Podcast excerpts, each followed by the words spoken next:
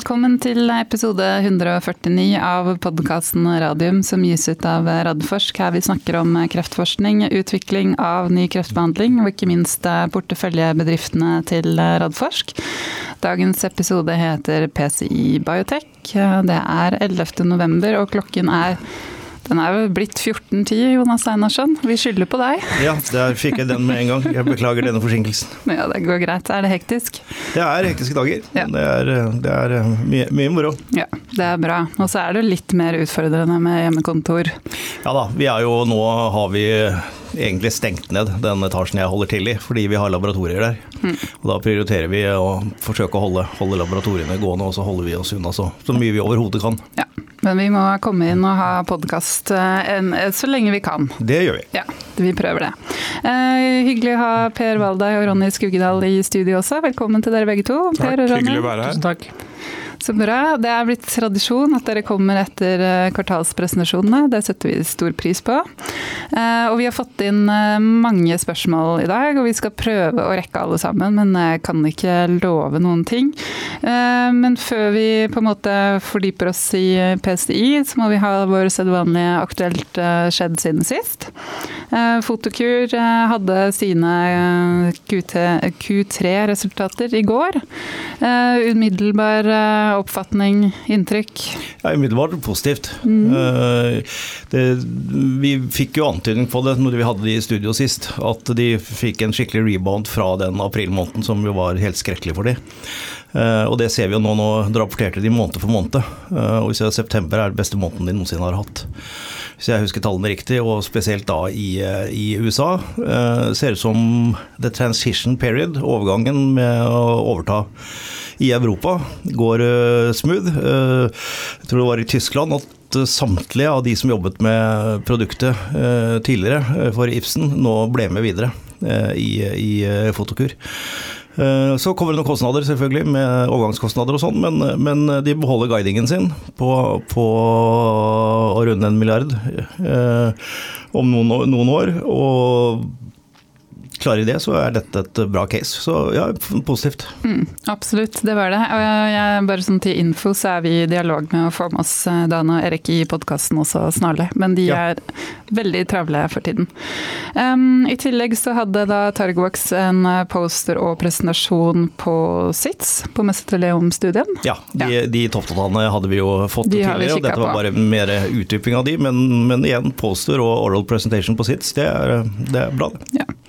Og så kom det en melding fra Vaxibody om at Vaxibody og Genentech-avtalen nå har trådt i kraft etter at man har hatt denne som jeg ikke klarer å huske. Antitrust. Antitrust, ja. silent period. Hvor. Eh, det er Konkurransetilsynet i ja. USA som skal se at alt har gått riktig for seg. Og det regna vi vel med at det gjorde, men det er jo alltid hyggelig å sette to streker under svaret. Nå, nå, nå, nå er den der. Nå er den der. Eh, og så kan vi jo legge til at uh, Ultimavax legger frem sine kvartals... Uh, eller har sin kvartalspresentasjon klokka Nå, nå gikk det sur her! klokka ni i morgen 12. Ja. november. Holdt på å si klokka tolv den niende. Ja, det var fullstendig feil. Sånn. Da tror jeg ikke jeg skal prate så mye med. Jeg kan heller stille noen spørsmål. Jeg kan gå over til deres kvartalspresentasjon i dag. Altså PCI Biotalk veldig kort først. Plattformteknologi baserer seg på fotokjemisk internalisering. Tre ulike programmer. Eh, og jeg tenker vi skal gå ganske sånn eh, kategorisk gjennom de før vi kommer til spørsmålene. De har ikke klart å sortere eller hatt tid til, i og med at det kom inn så mange. Men hvis vi da starter med Fimakjem. Det er jo da er i global studie som heter Release. Ehm, og den skal da forhåpentligvis føre frem til en markedsføringsgodkjennelse av Fimapofin i behandling av gallegangskreft. Hva er status?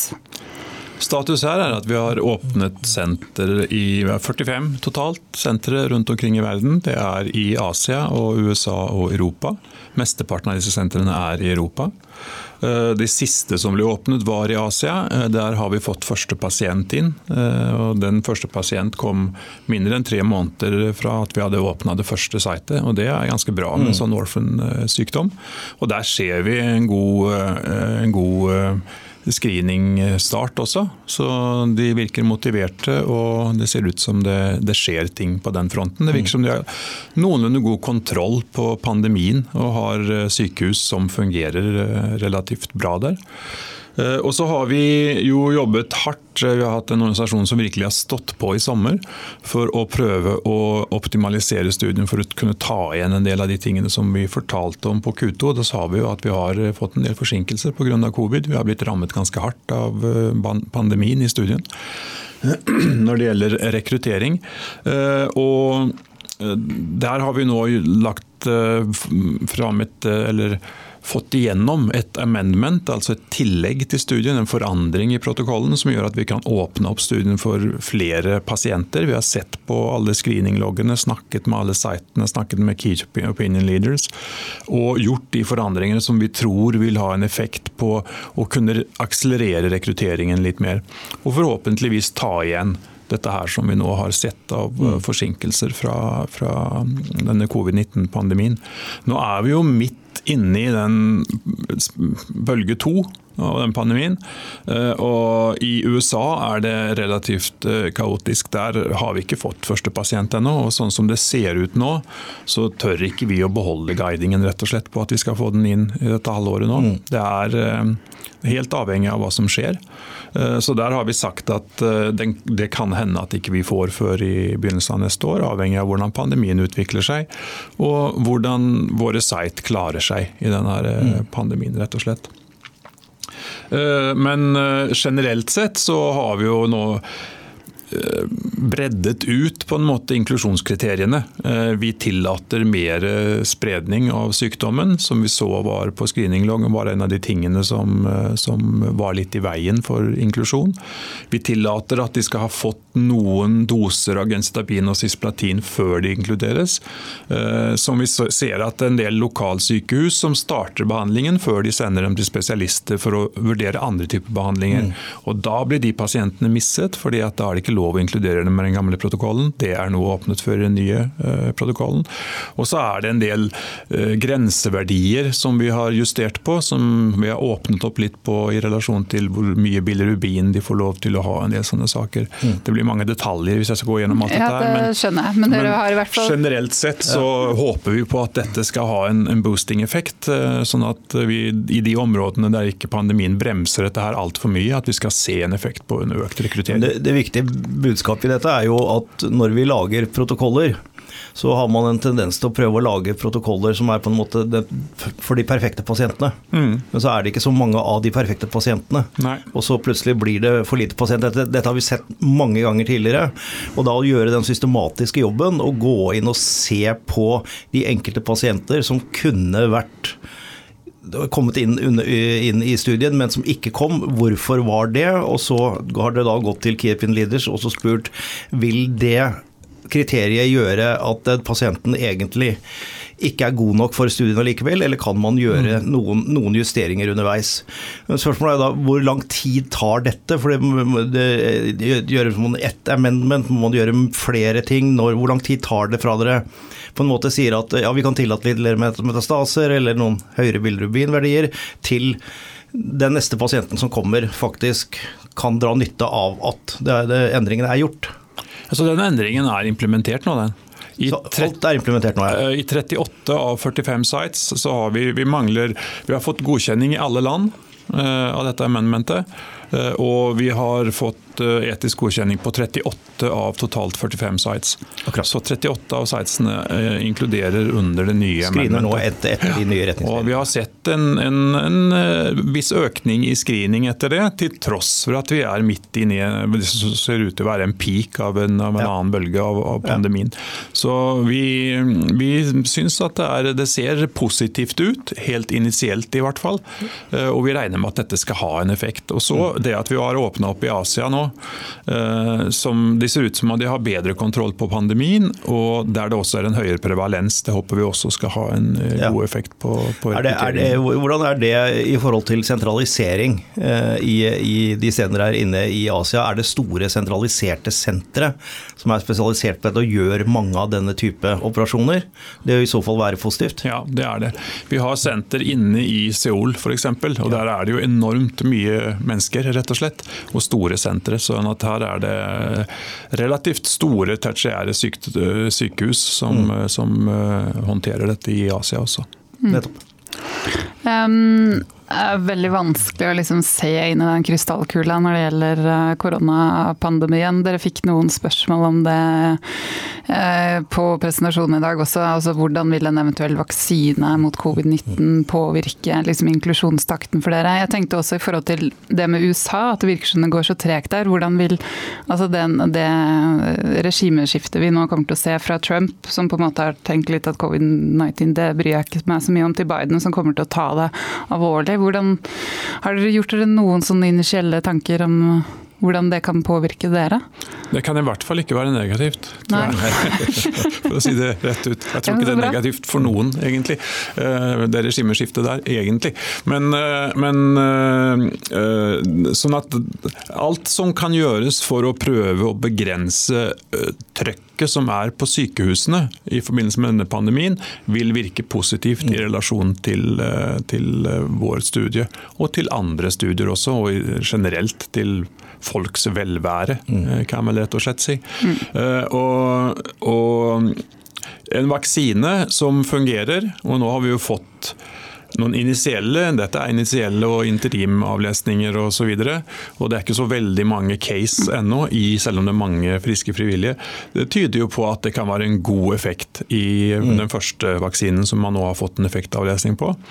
Eh, og det både godt også for, forhåpentligvis for de andre vaksinene. Mm. At her er det mulighet til å få gode effekter. Mm. Og det kommer mange nå. De kommer jo som perler på en snor. Eh, og, og da, hvis disse lykkes alle sammen, så, og vi kan begynne å få implementert dette her, så vil man jo etter hvert få et visst grep om denne pandemien. Eh, det vil ta litt tid. Mm. Eh, men, eh, og fordi at dette skal produseres, og det skal distribueres, og det skal massevaksineres. Og det er ikke gjort det er ikke veldig enkelt. Så jeg tror det er Akkurat den biten også tror jeg har en veldig stor betydning at det kan bli et regimeskifte i, i, i USA, der man kanskje har litt bedre kontroll på logistikk mm. og tar ting litt mer alvorlig og, og, og mer organisert enn man ville ha gjort under dagens administrasjon. Mm. Men uh, Dette er positivt, men å begynne å kvantifisere og si når osv., det blir bare spekulasjoner. Ja. sånn at det ønsker jeg ikke egentlig. Nei, det, det, skjønner jeg. Det er jo veldig vanskelig. det er én ting jeg la merke til i dag eh, når dere presenterte, og som vi har fått noen spørsmål på også. Det er det at dere ikke lenger kommuniserer antall pasienter som er rekruttert inn i release. Det har vi aldri gjort. Har du ikke gjort det? Nei. Nei. Vi har hatt den samme kommunikasjonspolicyen fra dag én. Mm. Vi rapporterer første pasient inn i de forskjellige regionene. og Så rapporterer vi tidslinjer, og så rapporterer vi antall sites som er åpne, eh, og antall land som vi har godkjenninger i. Skjønner. Og Så er det eventuelle IDMC-anbefalinger. Og så var det en helt spesiell tilfelle i Q2, fordi at studien stoppet helt opp. Så syns vi at vi måtte sende et signal til markedet om hvilken effekt dette hadde hatt. og Da fortalte vi at i den den perioden så hadde kun én pasient blitt mm. inkludert. Mm. Men ellers så har vi den samme, det som er egentlig standard industri, industripraksis på rapportering av kliniske studier, at vi rapporterer tidslinjer mm. og ikke antall pasienter. Mm. Og Hvis vi da ser på tidslinjen, eh, så opprettholder dere da guidingen på at avlesning av interimdata blir andre halvår 2022 slash første halvår 2023. Ja, og Det opprettholder vi jo fordi at det er fremdeles en range og det er fremdeles usikkerhet. Men vi regner og håper på at vi skal innenfor denne rangen klare å, og gjerne før, eh, for så vidt, hvis det skulle vise seg at det løsner fullstendig, men i hvert fall innenfor denne rangen at vi skal klare å på en måte begrense det ned så snart vi får litt bedre oversikt over en, hvordan pandemien utvikler seg, og to, hvordan det går med de nye initiativene våre som forhåpentligvis skal ha en effekt. Og hvordan det utvikler seg videre i Asia. Det er jo fremdeles veldig tidlig mm. i, i, den delen. Mm. Er det noe annet du tenker er viktig å få med om, om Fima Kjem? Uh, nei, jeg vil, vil, bare si at Vente på det til spørsmålene, si. ja, det kommer sikkert flere spørsmål. Uh, men, men jeg vil, når jeg først er her og har mulighet til det, så vil jeg bare si at jeg syns at uh, jeg må rette en stor takk til den operasjonelle organisasjonen i selskapet, som har gjort en fantastisk jobb i sommer. Mm. Dette er ikke en lett sak å implementere et protokollamendment på så kort tid som er blitt gjort, og fått det godkjent i alle de landene og på alle de etiske komiteene. Eh, fra det vi så at pandemien traff oss, og, og at vi på en måte har fått eh, satt alt dette på plass, det er et imponerende stykke arbeid mm. som, er, som, er, gjort. Mm. Og, og, det skal de ha full eh, og all honnør for. Og kanskje et arbeid som har vært ekstra vanskelig under en pandemi også, hvor helsemyndigheter og andre er opptatt av helt andre ting? Ja, absolutt. absolutt. Sånn at det her er eh, en, en stor takk til alle sammen som har jobbet med dette. Jeg kan skrive under på det. Det er, det er imponerende arbeid. å komme kommet så langt på, på dog såpass eh, kort tid. Og Når det gjelder USA også, vil jeg legge til en, en, kommentar til. Hvis vi går tilbake og ser på tallene til Fotokur, for de avspeiler jo direkte hva som foregår i avdelingene. Eh, med normale prosedyrer. For dette er jo oppfølgingspasienter ikke sant, som har vært inne til, til operasjon eller overvåkes. Eh, og vi ser at i, i april så var det, altså, det, var, det var et totalt stans. Det mm. bare stupte, de, de, de, gjorde ingenting. Og så begynte det å komme tilbake i, i mai, og så har det sakte, men sikkert seget tilbake til de nå er omtrent i de avdelingene, og dette er jo også kreftsykehus, er oppe på normal drift igjen. Så det er lov å liksom være litt optimist på vegne av det, da. Ja. ja. Det er bra. Det høres bra ut. Mm. Du er jo også optimist, da. Sånn. Ja, av natur. det er bra, man må jo være det. Um, vi kan gå videre til uh, Fimavac, som altså er den vaksineforsterkningsteknologien uh, dere har. Her ser dere da etter en partner, eller vurderer om dere skal gå videre i en fase to alene. Det er liksom konteksten her, kan, kan vi si. Um, du sa i dag at høydepunktet for dette kvartalet er da det forskningssamarbeidet dere har initiert med DC Prime.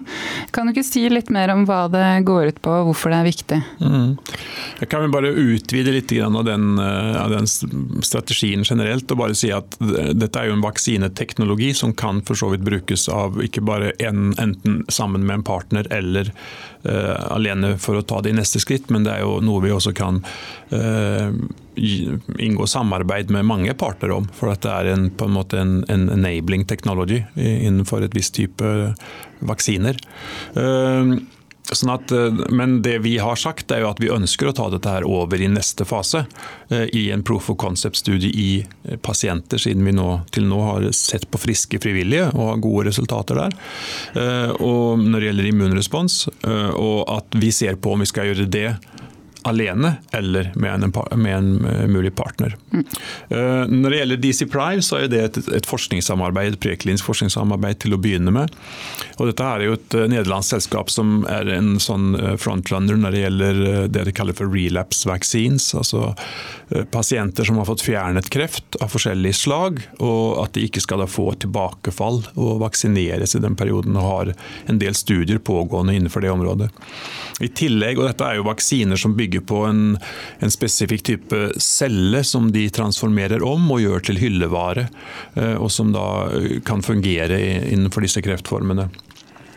Uh, og I tillegg til det så har de noe som de kaller for tumor independent antigens. Som er da å bruke antigener og loade på en måte svulster med antigener som er fremmede Eh, for kroppen, og derigjennom gjøre svulstene mye mer synlige for, eh, for eh, immunsystemet. Og vaksinere da samtidig, f.eks. med disse antigenene.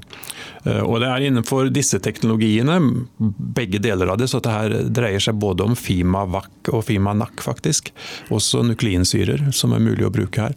Som de trenger å se på muligheter for å forsterke og forbedre leveringen inn i celler av en del ting.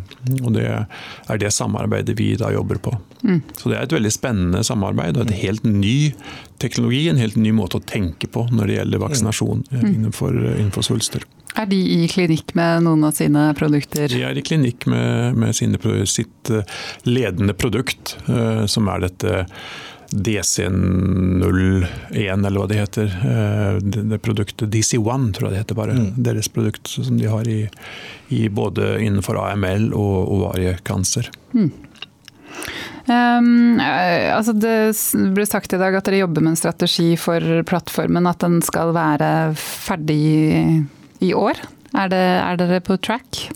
Det vi har eh, sagt er at vi skal eh, se hvordan vi tar dette her inn i neste kliniske fase.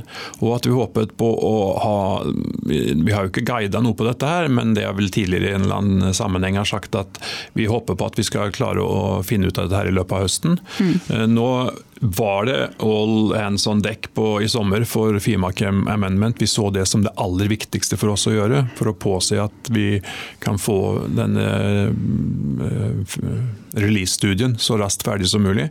Uh, sånn at uh, det har vært litt pausing akkurat på den Fimavac-arbeidet i en periode. Det er nå reinitiert, og vi har knytta til oss eksperter på alle de sykdomsområdene vi ser på, og vi har knytta til oss eh, ekstern ekspertise også på når det gjelder selve design av studiet og hvordan vi skal ta dette videre.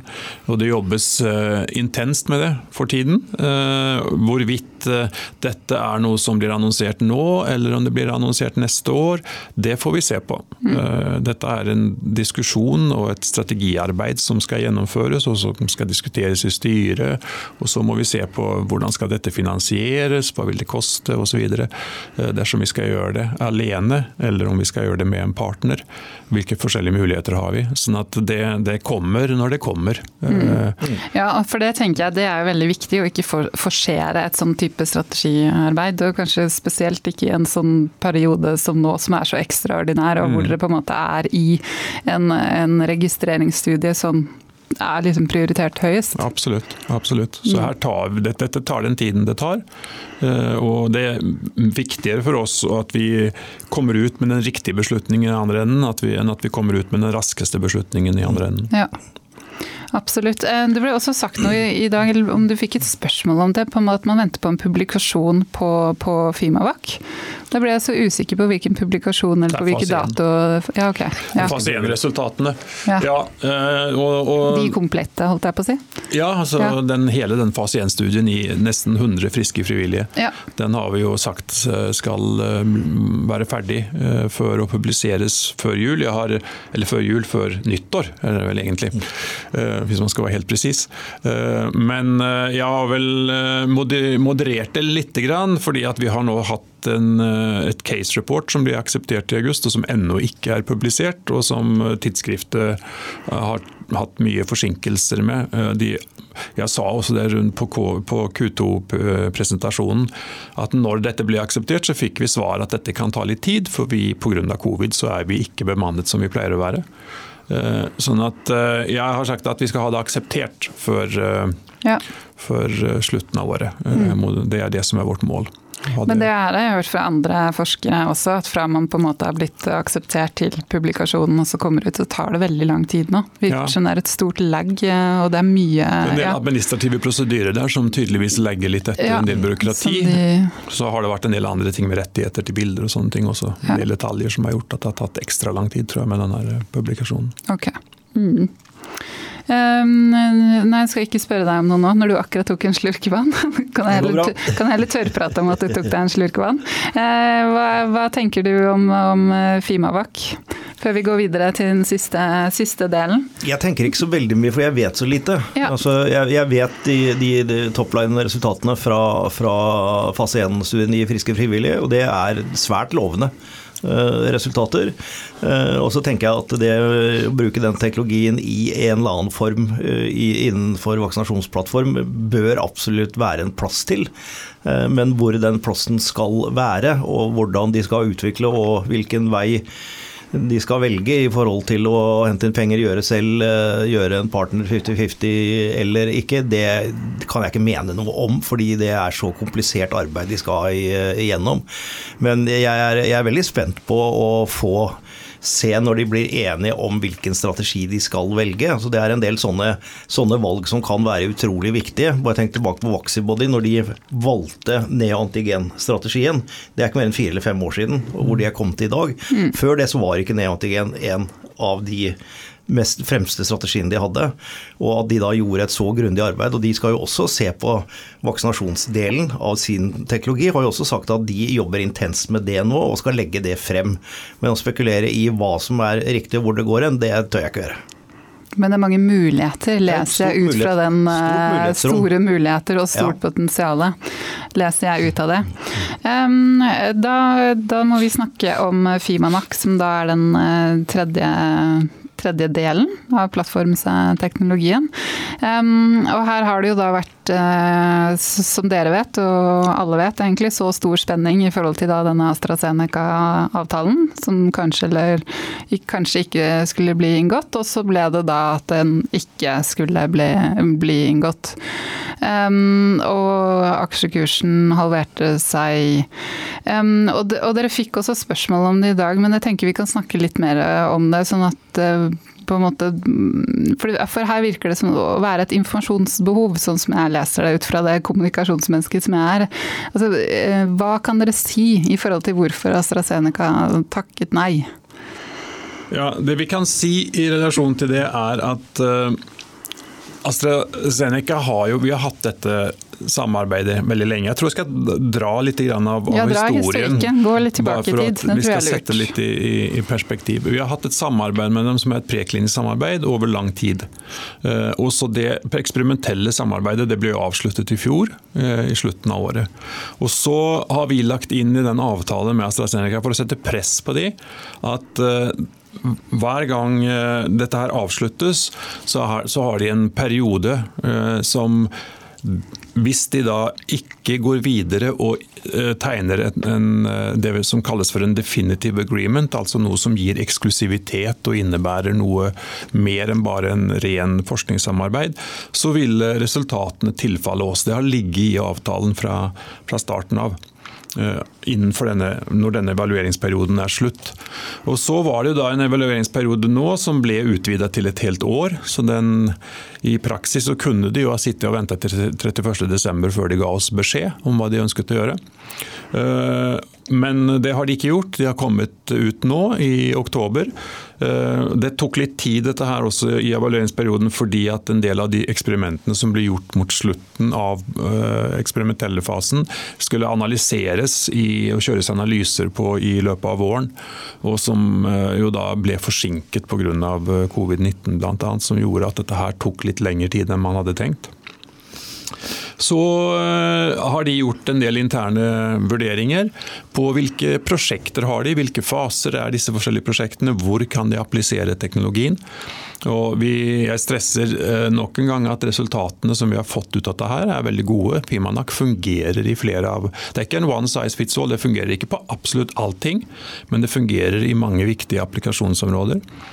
Eh, og så har de gjort sine prioriteringer på hvilke prosjekter de ønsker å satse på. Eh, og så har de sett på hvilken fase de er, og når det er naturlig å kunne ta inn en Fimanak-teknologi eventuelt. Og funnet at i denne perioden her nå, så er ikke det, er ikke det til stede. Det er ikke en, et rom for å ta inn Fimanak-teknologien i noen av deres pågående prosjekter mm. i denne fasen. Mm. Der, det, der, det, skulle passet eventuelt med et Fimanak-teknologi en Fimanak-teknologi. Og Derfor så har de nå ikke terminert noen ting. Det er ikke noe som er terminert. Altså, det er jo eh, Avtalen Research Collaboration avsluttet i, i, desember 2019. Det var en evalueringsperiode der de hadde mulighet til å inngå en, en definitive agreement med oss før eh, resultatene ville tilfalle til oss. Og Det har de valgt å ikke gjøre i denne mm. fasen. Så Det er det som er, Eh, settingen. Og Det har ingenting med resultatene i seg å gjøre. De mm, syns at disse resultatene var veldig gode. De har lyst til å publisere dette her med oss, det har de også sagt. Mm -hmm. Og Det ser vi på som en styrke, å komme ut med en felles publikasjon med mm. de, istedenfor at vi alene skal stå på, på, på, publikasjonslisten. Så det ønsker vi å benytte oss av. Mm. Så det kommer vi til å pushe og prøve å få gjort så fort som mulig. At vi mm. får ut disse resultatene. Og Da kan vi bygge alt det vi har av resultater og det vi har lært der, det kan vi bygge videre på. Eh, å bruke når vi går ut i, eh, i, eh, i markedet og forteller om Fimanak-teknologien. Mm. Men formelt så eier vi ikke resultatene før evalueringsperioden er over, som er i, i slutten av dette året. da. Mm. 1.1, rett og slett neste år. Ja. Men etter det så eier dere de? Etter det så er det ja. vår eiendom. Og så jobbes det nå med en felles publikasjon, men da igjen så er det sånn det er vanskelig å si når den kommer. Ja, vi har, vi har jo guida litt på publikasjoner noen ganger, og det viser jo seg at dette er, du, det er ting du ikke har kontroll på selv. Fordi at eh, du, ting skal gå til peer review, og journaler kan, eller tidsskrift kan si at det her passer ikke helt vår publikasjonsstrategi, så gå heller til den publikasjonen. Og så går månedene på en del av disse tingene, så det, jeg har ikke lyst til å guide på akkurat det. Men vi kommer til å publisere det så fort som overhodet mulig. Akkurat det, vi, det, har vi snakket mye om også. Hvor vanskelig den der ja. timingen, eller guidingen på timing er. Ja, jeg tror det er veldig viktig det Per sier nå, sånn kommunikasjonsmessig, at uh, når man snakker om dette, så må man være tydelig på hva man har kontroll på, og hva man ikke har kontroll på. Uh, og, og, legge inn det at det man ikke har kontroll på, det kan man faktisk ikke guide på. Men man, man kan si at vi skal ha ferdig en skrevet sammen en publikasjon som skal være klar til å gå inn i mølla og systemet i løpet av en, en, en tidsperiode. Nå er ikke det så enkelt heller, for det kan plutselig sitte forskjellige leger, klinikere og vitenskapsfolk forskjellige steder rundt omkring som skal være med. Det kan være x antall medforfattere som da ikke gjør jobben sin. Det er sånn du har gruppearbeidet, og, og så sender du over ditt utkast til uh, han andre på gruppa, og så gidder ikke han å gjøre noe, og så går en uke han er opptatt med noe annet. Altså det, det, det, er, det, er, så utrolig mange faktorer som spiller inn. Mm -hmm. Men på det kommunikasjonsmessige så tenker jeg, Per, at at det vi kan på en måte litt sånn lære litt da, av at uh, undertegnede og mange i markedet var litt vel optimistiske til at dette skulle bli en eh, AstraZeneca-avtale. Uh, og, og, så få både en kursoppgang først og så en kraftig nedgang etterpå. Så tenker jeg at det du har sagt nå om hvordan den avtalen er strukturert, og hva den egentlig innebærer, altså at det er en periode å jobbe, en periode å evaluere, og så kan resultatet av evalueringen på en måte ha tre utganger. Det ene er at nei, det passer ikke. Vi går ikke videre med samarbeidet. Eh, som kan ha veldig mange årsaker, det vet vi jo. Altså Alle disse mm. teknologiplattformselskapene har jo mange samarbeidsavtaler. Noen går videre, noen går ikke videre. Eh, og noen avsluttes veldig, veldig, raskt fordi man finner ut at det, dette ikke fungerer. Men da er det så enten så at det ikke blir en, noe videre samarbeid, eh, eller som den, det tilfellet at man trengte mer tid på å evaluere det. Eller at det ender opp igjen i en endelig avtale. Eh, og så vet jeg ikke, Denne gangen så tror jeg faktisk det var det at det var plutselig det med at det hadde vært The Mysterious Big Farm Partner, og så var det AstraZeneca som gjorde at det trigga nok en del at eh, det ville ikke AstraZeneca gjort i en evalueringsperiode hvis ikke de på en måte var veldig på hugget. Og Det kan være at det er feiltolka, men det tror jeg var det som skjedde denne gangen. Mm. De var veldig på hugget. Når, når, når, når, dette her skjedde, og de så flere muligheter. Eh, men så skjer ting i, i Big Pharma, og det skjer forandringer i prioriteringer. Altså, vi hadde jo fått et massivt trykk fra markedet om at eh, hvem er dette Big Pharma? Hvorfor kan dere ikke gå ut med det? Ja. Eh, og nesten blitt uh, trua til tider på at vi, dette her var jo helt idiotisk, og at det var innsideinformasjon og ting som vi hadde avklart med børsen at det overhodet ikke var. Nei. Men, men så vi og jeg husker jo vi satt der for et år siden og alle syntes at det var veldig bra at dette navnet endelig kom ut. Ja. Dette var en lettelse i markedet, at man slipper å snakke om Big Pharma. Men det er jo ikke det samme som at det betyr at eh, det er helt sikkert at det skal bli en avtale. Og det er jo en feiltolking hvis det er sånn det er blitt tolket. Ja. Mm. Jeg syns jo personlig at vi i hvert fall i vår kommunikasjon har vært veldig ryddige på at dette her er Vi har ikke kontroll på vår partner og hva de, hvilke vurderinger de gjør. Vi ser resultatene. De resultatene resultatene ser gode ut, det kan vi fortelle om. Mm. Når vi får lov å fortelle om det, og det har vi fått lov til å gjøre. Så, så de, Det er noe som vi i hvert fall overhodet ikke har kontroll på, hva de bestemmer seg for til slutt. Jeg ser det. Nei, eh, jeg også tenker jo kanskje at, eh, at det at man hadde den Vaxibody Genentech-avtalen som da ble også, altså da som kom, Den kom jo 1. oktober, ikke sant. Den var jo med, altså Da var det jo en veldig sånn opphaussing plutselig, og så kommer dere, og så er det, er det ikke veien. Så det er jo like naturlig som at det er det veien, ikke sant. Mm. Så ja, men hva, hva en sånn stor forventning i et marked skyldes, det er jo søren meg ikke lett å si. Eh, men, men, det jeg ser på noen av spørsmålene, er at det er noen som mener at dere har gitt for lite informasjon. Men så tenker jeg sånn der, det, det der med å gi for mye for lite informasjon, det er søren meg ikke lett. Og hva er for lite informasjon, og hva er for mye? Og så tolkes det, og du var så vidt innom disse forumene i dag, og at, at folk må i hvert fall høre på hva dere sier fra, mm. fra selskapet. Mm. Og så har vi har fått kritikk i et spørsmål her. Det er noen som mener at vi i kommunikasjonen her i podkasten har hauset opp eh, ting. Mm. Sånn at, eh, ja Du kan kommentere. Ja, jeg jeg syns jo ikke vi, i hvert fall ikke når jeg har vært her, at dette har blitt tauset opp eh, på noen som helst måte. Men det kan jo være at det blir tolket sånn hvis vi sitter og ler og, mm. og har et lystig lag her og forteller om at dette er en evalueringsperiode, de må bestemme seg snart. Eh, men det, det, altså, jeg føler ikke at vi i det som har blitt sagt her, i hvert fall, eh, har, har haussa opp dette på noen som helst måte. Mm. Dette er noe vi ikke har kommentert i særlig stor grad. Vi har sagt at det er en beslutning som de må ta innenfor et gitt tidsrom, og hvis de ikke tar den innenfor det tidsrommet, så tilfaller dataene oss. Og det er fakta. Ja. Og så har vi fortalt at uh, innenfor onkologi hadde vi veldig gode resultater, og nå ville de teste andre sykdomsområder. Det er fakta. De har testet andre sykdomsområder. Vi har fått gode resultater i en del av de nye sykdomsområdene også. Og det har vi også fått lov til å gå ut med og fortelle i denne pressemeldingen, så det har ingenting med dårlige resultater å gjøre, dette at de mm. Og ikke noe med at Fimanak-teknologien ikke fungerer. Men jeg prosesserte også i dag eh, på kvartalsrapporteringen, og det jeg har sagt før også, det er ikke noen one size fits all-løsning det her. Det er ikke sånn at alle applikasjoner med, nukleinsyrer kan løses med Fimanak. Det, er, det, vil være, det, vil variere fra vev til vev, og fra type nukleinsyre og hvordan den er pakket inn osv. Så, videre. mm. så det, er, det må testes ut for hvert samarbeid. Men det vi har hatt med AstraZeneca, der har det fungert godt. Mm. Um, Vet du hva jeg lurer på, Jonas, i og med at du må gå. Hvis dere har tiden, skal vi ta alle spørsmålene etter at vi har takket av Jonas? For da kan vi ha en litt sånn avrunding med Jonas, sånn at vi får gått gjennom, i og med at vi har fått så mange lytterspørsmål i dag. For jeg bare ser at uh, tiden går. Det er en generalforsamling i Ultvox om uh, syv minutter som jeg skal lede. ja. Så, men uh, vil du ha en sånn Vil du være med på et siste spørsmål, eller trenger ja. du å løpe Nei, nå?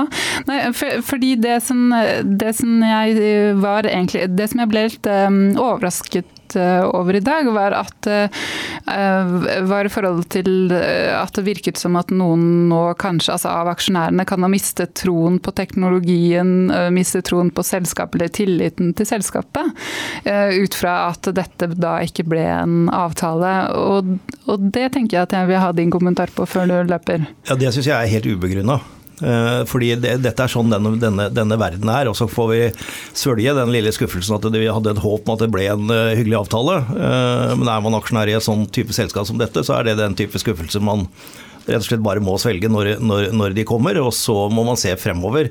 Og Jeg syns Per er veldig tydelig på å, å, presisere at dette ikke er noe negativt for teknologien. Eh, og vi må jo tro dem da, når de sier at det er gode resultater og at de skal publisere de. Det vil jo bli avslørt ganske godt hvis de ikke er det, så det, det tror jeg faktisk på. Eh, og så tror jeg det er litt usikkerheten rundt selskapet har vært dette, og så har det vært release-studien og rekruttering.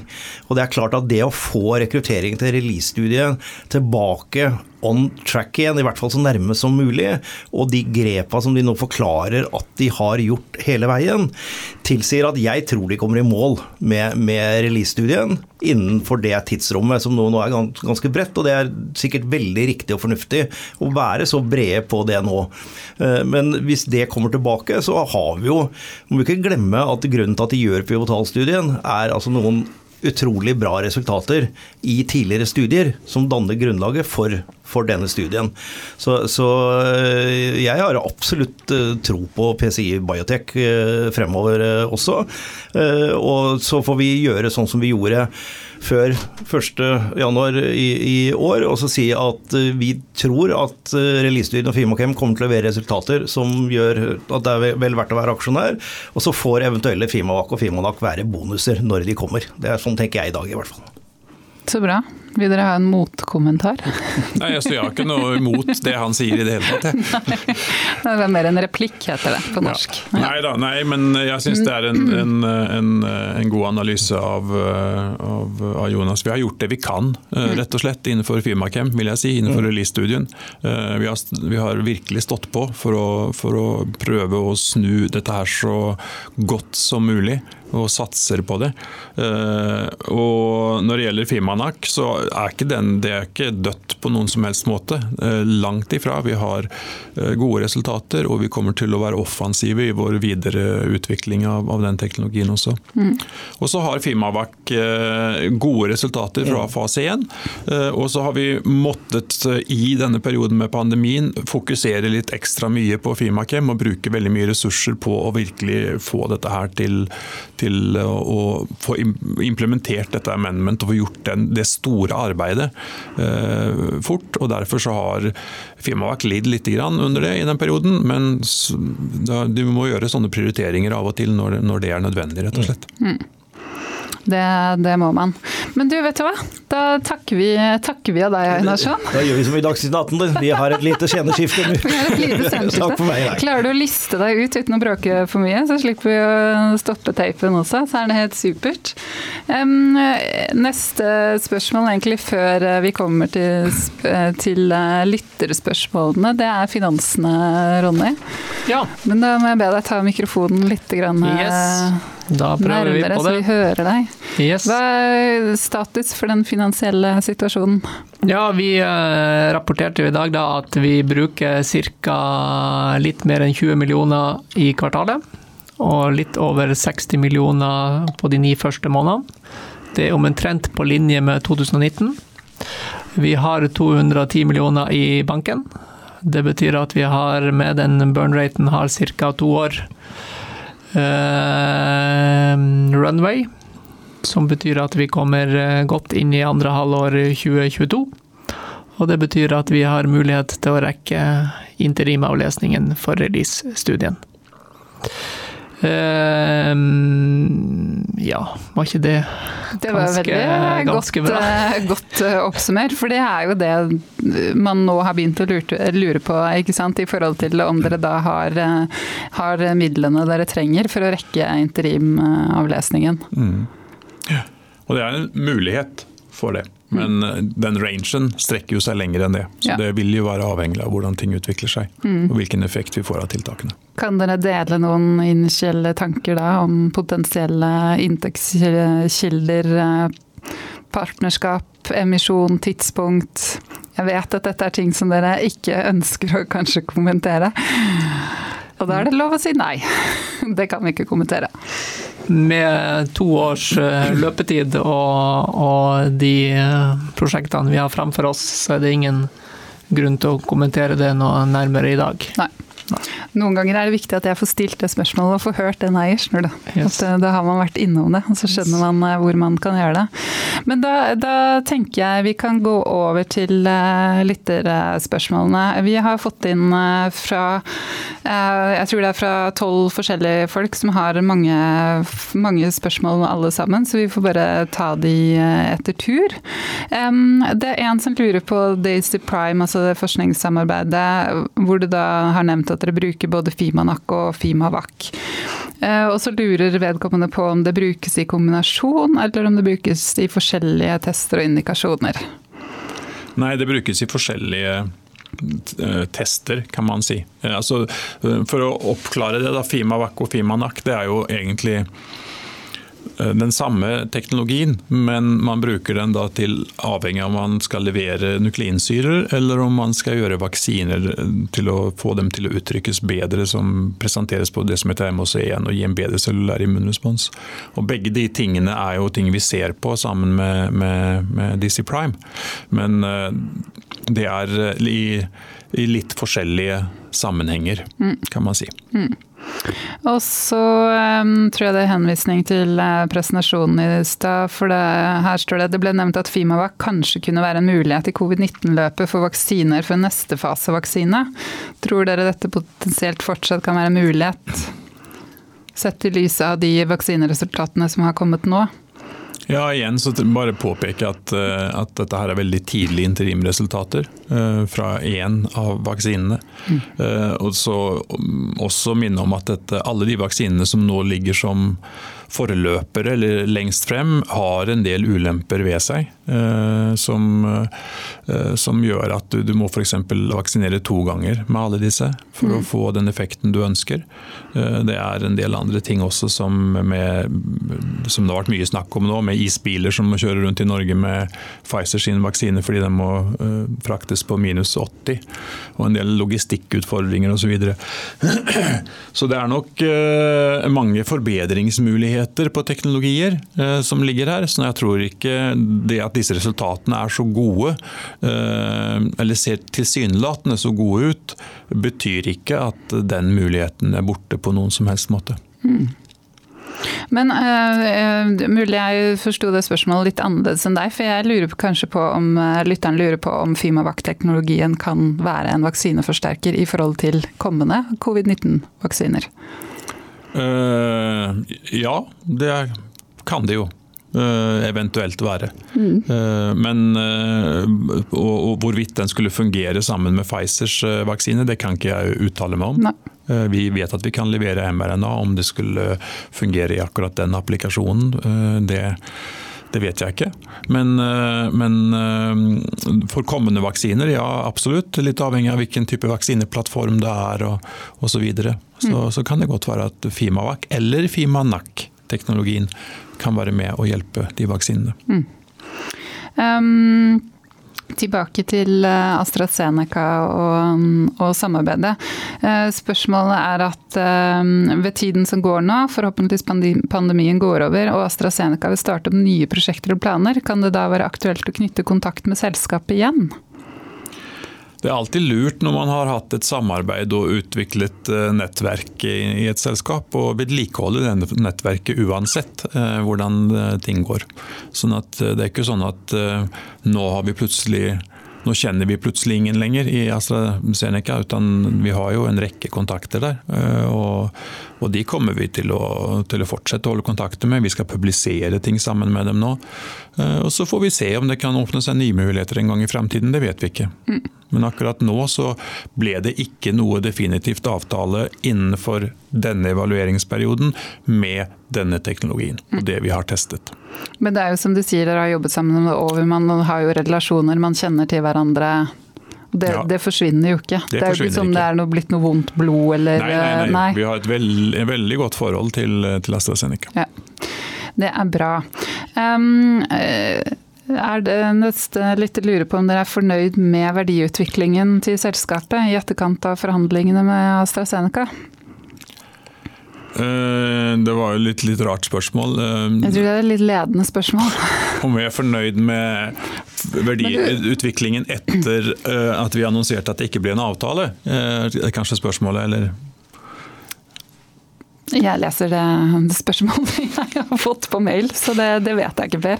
Du får tolke det i den retningen du vil og svare, svare ut fra altså, er, Jeg har jo tidligere sagt at jeg er litt overrasket over at det hadde en så stor effekt, eh, når dette er vårt eh, tidligfaseprogram. Og vi har to mer modne program over de meste av våre ressurser og det meste av verdivurderingen fra analytikere på på selskapet ligger på, på mest, vårt mest modne prosjekt. At vi da skal synke med over 50% på at det ikke blir en potensiell avtale på det tidligfaseprosjektet, det, det rimer liksom ikke helt med den verdivurderingen som de fleste eh, sitter med, som har sett på selskapet. da. Mm. Og som, som, vi selv uh, har. Sånn at sånn sett så um, er jeg vel ikke fornøyd, hvis det skal være riktig ord, med at markedet reagerte så sterkt på, på, på, den nyheten. Mm. Så her har det, har det nok vært uh, noen veldig store forventninger som kanskje er blitt blåst litt opp på en eller annen måte. Mm. Jeg syns ikke det er vi som har blåst opp de forventningene, det vil jeg jo si. Mm. Neste spørsmål er om, om mangelen i parentes på kommunikasjon utad er en bevisst strategi. Vi kommuniserer jo, hvis vi er her etter hvert kvartalspresentasjon, vi holder ganske Eh, brede kvartalspresentasjoner. Vi sender ut meldinger på, på det som er av, av, nyheter som er materielle. Eh, så jeg vet ikke om eh, jeg syns at vi har en mangel på kommunikasjon, så det er litt vanskelig å svare på om det er en Altså, Vår kommunikasjonsstrategi er bevisst. Den, det er den absolutt. Mm. Så er det alltid sånn at uh, man kan se i etterpåklokskapens lys at man kanskje burde ha gjort noe annerledes uh, nå og da. Uh, og det, Sånne ting lærer vi av. Men, men det, er ikke noen, det er ikke sånn at vi bevisst prøver å kommunisere minst mulig. eller noe sånt. Det er absolutt overhodet ikke. Nei. Um, det er en som lurer på da, om dere har noen klar strategi for Fimanak videre?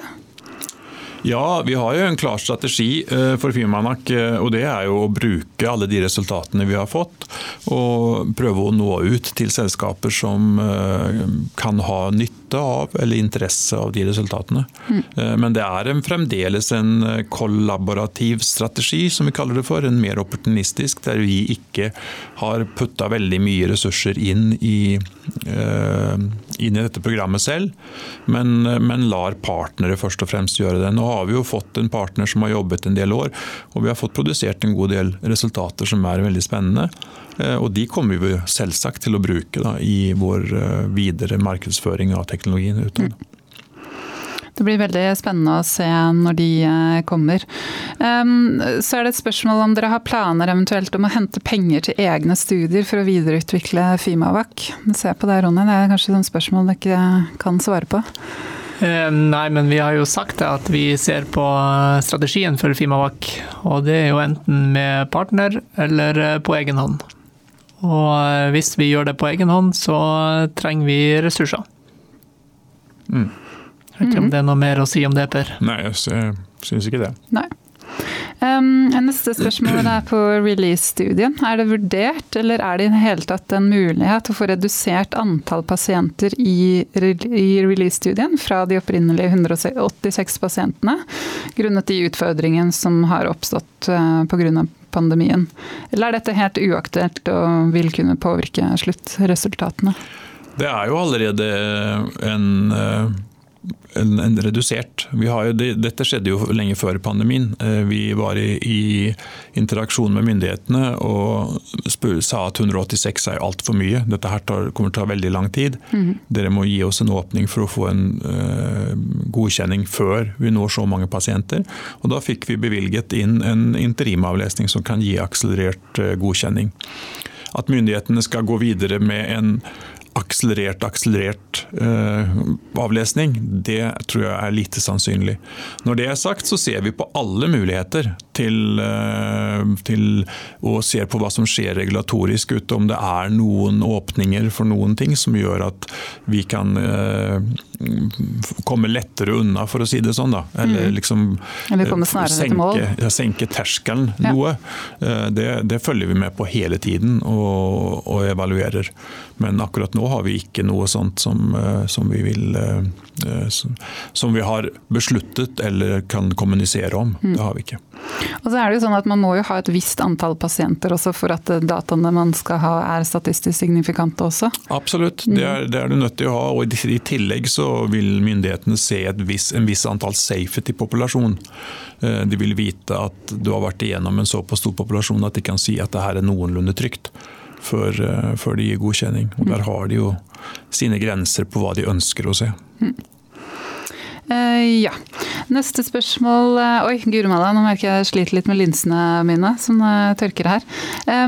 Det er eh, fra en svenske. Jeg skal ikke lese det på svensk, merker jeg. Men det går til syd, altså den siten i Syd-Korea og Taiwan.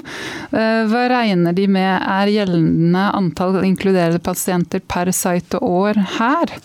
Um, og da viser han til tidligere studier på gallegangskreft i Syd-Korea som har inkludert så mye som to til fire personer per site per måned. Altså 100 pasienter på én site på to år. Um, ja, vedkommende regner ikke med så høy inkludering, men det hadde vært uh, interessant å høre deres kommentarer på om dere har sett noe på inkluderingstakten i Asia? Eller eh, her ja, konkret, da? det har vi jo gjort, selvsagt. Eh, og vi har jo sagt at det er en høyere prevalens. Og vi har også sett at det er studier både i, i Sør-Korea og andre land i Asia som har inkludert pasienter raskere. og det, det, er jo en av grunnene til at vi absolutt eh, et, En av de tre kriteriene vi ser på når vi, når vi velger hvilke land vi skal eventuelt gå inn i, også i, i Asia. Nå er den høye rekrutteringen som her blitt nevnt, det er en mye bredere pasientpopulasjon som inkluderer både intrahepatisk, ekstrahepatisk og galle, altså ampulavater og galleblærekancer, vil jeg tro. Eh, ellers vil du ikke få tak i så mange pasienter på, på site. Men at vi forventer og håper og tror at vi skal få en høyere rekrutteringstakt og kanskje så høy som opp mot dobbelt så høy, kanskje, i, i, i områder i, i, Asia som vi ser i, den vestlige verden. Det, det er noe som vi, vi håper på. Det er realistisk? Ja, vi, vi, tror at det er realistisk. Mm. Eh, det er litt for tidlig å si. Mm. Jo, vi har jo en annen pasientpopulasjon enn de populasjonene her, og, så det vil være litt avhengig av hvordan eh, den pasientgruppen er distribuert mellom de forskjellige Eh, sykdomstypene. Og det har vi ikke helt eh, kontroll på.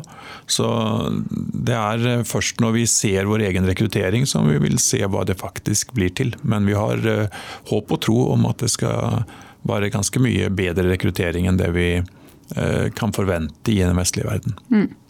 Det er en som lurer på her om den jobben dere gjør nå med, med release-studien, om, om, det kan komme en form for ketsjup-effekt eh, når pandemien på en måte har lagt seg, man har fått en vaksine?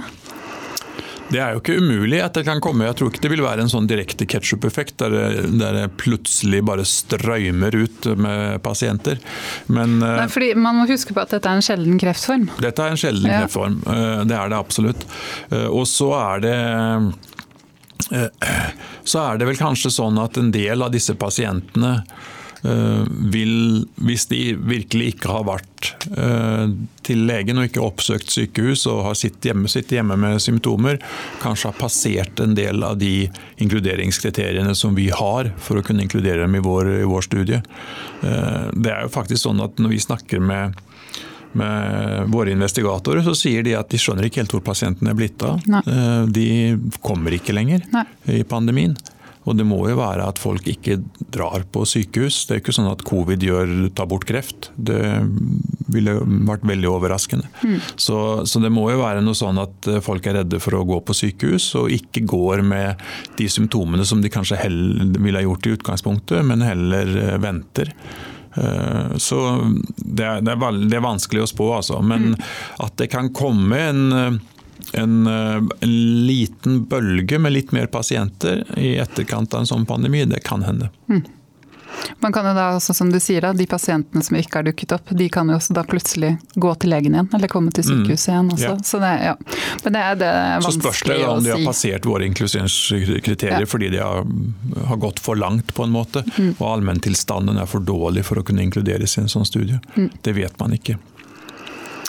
Uh, ja. Jo, og så er det en som har sendt oss en vitenskapelig studie og lurt på om, um, om dere er involvert i denne vitenskapelige studien. Det er en artikkel på uh, bruk av Fimaforfin Amfinex med ultralyd. Um, ja. ja. Det er liksom vanskelig å si noe, vi kan ikke vise fram den vitenskapelige studien der over lufta. så det Nei, men det er jo eh, spørsmålet om vi er involvert i den, er Ja. vel eh, nokså selvforklarende ut fra at man leser forfatterlisten og ser at Anders Høgseth, som er vår eh, forskningssjef, er en av forfatterne. Eh, Dette er jo da et akademisk samarbeid der de har gjort noen studier. Man vet at en del fotosensitizere kan eh, aktiveres av lyd, og så har man ønsket å sette på Fimaporfin og se er det er det også mulig å aktivere. Eh, Så det er mer en akademisk studie enn noe som, som vi har eh, eh, sånn at Grunnen til at vi er med på det, er at vi bidrar med at vi gir rett og slett produkt, sånn at de får lov å teste ut dette her. Og Hvis det da kommer noe som er interessant som vi kan dra nytte av, så er det, så er det bra for oss. Når det gjelder akkurat det med å, å bruke det på ultralyd, så, så har eh, firma Porfin fungerer også til eh, å bli aktivert av ultralyd, men mye mye dårligere enn med lys. Eh, Og effekten er nok ikke så stor at det er noe vi ønsker å forfølge ut fra det som står i den artikkelen her, eller det man har funnet. Ja, for det er neste, neste to spørsmålene. Er dette, ja. er dette noe dere eventuelt har lyst til å gå videre med? Hvorfor er ikke markedet blitt informert om at dere er involvert i det? Dette er det? bare en ren akademisk studie på noe som man gjør av, først og fremst av akademisk interesse. Som hvis det hadde mot formodning plutselig vist seg å være eksepsjonelt godt med, med Fimaporfin, hadde vært veldig interessant. Men, som da kunne ha ført til at det er noe som vi ønsker å se på. Men eh, dette er eh, i utgangspunktet mer enn nesten grunnforskning. eh, Ja. For å kunne og skjønne mer av våre egne produkter. Skjønne mer av teknologien. Ja. Ja. Uh, ja.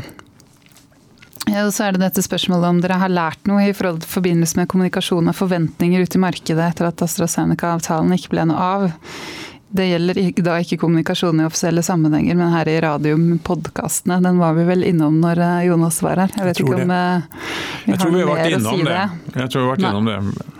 Jeg mm, har jo allerede sagt, og vil vel si en gang til, at jeg tror ikke vi har sagt noe her i podkasten som, eh, som skulle hause opp forventningene til dette på noen som helst måte. Mm. Jeg har ikke kontroll på hva du og Jonas eventuelt sier når ikke vi er her. Og det følger jeg heller ikke med på. Så, Nei, sånn at det jeg vet tror jeg ikke vi sier så mye, så mye gærent, eh, holdt jeg på å si. Jeg har fått inn noen spørsmål til eh, som ikke dere har sett, som jeg har fått etter at eh, dere har fått oversendt de tidligere lyttespørsmålene. Jeg vet ikke om dere er komfortable med å ta de på sparket? Jo, altså Hvis det er ting vi ikke kan svare på, så, så kan vi ikke svare på det. Så det er, det er bare å Så spørre. Så slipper jeg å sende det til dere etterpå, så får dere jobb etterpå. Kan vi bare ta unna, ta unna jobben med, med en gang. Eh, Det er en som lurer på dette her i forhold til AstraZeneca igjen. Altså De ønsker å publisere resultater, men ønsker samtidig ikke å kommersialisere, skriver lytteren. Eh, Et big pharma-selskap som AstraZeneca bruker ikke tid på forskning hvis ikke det er kommersielt kommersielt interessant? spørsmålstegn. Har PCI og Biotech støtt på en vegg mellom forskere på den ene siden og business development på den andre siden? Mm, nei, det vil jeg ikke si at vi har gjort. Men uh, det er ikke helt korrekt at, uh, at uh, de ikke ønsker å bruke ressurser på ting som ikke kan kommersialiseres. De driver jo mye grunnforskning. De driver mye forskning som mm. kan føre til ting. Eh, Men det er klart at eh, de vil jo at det i sluttenden skal føre til kommersielle eh, saker ut av det, naturligvis. Nå, men det, det, altså, det er en, en stringent vitenskapelig organisasjon som er veldig opptatt av akademisk eksellense og opptatt av publisering og å være synlig. Sånn at de bruker ressurser på å publisere ting når de ikke trenger å holde det hemmelig. Eh, Og dette ønsker de også å gjøre med det samarbeidet som vi har hatt. For de vil gjerne være med på disse publikasjonene. Altså Vi eier jo disse resultatene, så vi kunne jo ha sagt nei, men vi kommer til å publisere det. Men det tror vi ikke er spesielt hensiktsmessig. Vi tror en publikasjon som vi har gjort i samarbeid med AstraZeneca, altså der vi begge selskapene er med på, på publikasjonslisten av, av forfattere, er mer verdt for oss enn en publikasjon der vi selv bare har gått ut med, med resultatene. Mm. Men det er ikke helt, eh, altså det er veldig viktig for disse store Big Pharma som har FoU, at eh, de har en, en akademisk tilnærming også, som gjør at du attraherer de beste forskerne inn til organisasjonene. Sånn at de er absolutt opptatt av å, å publisere også. Mm.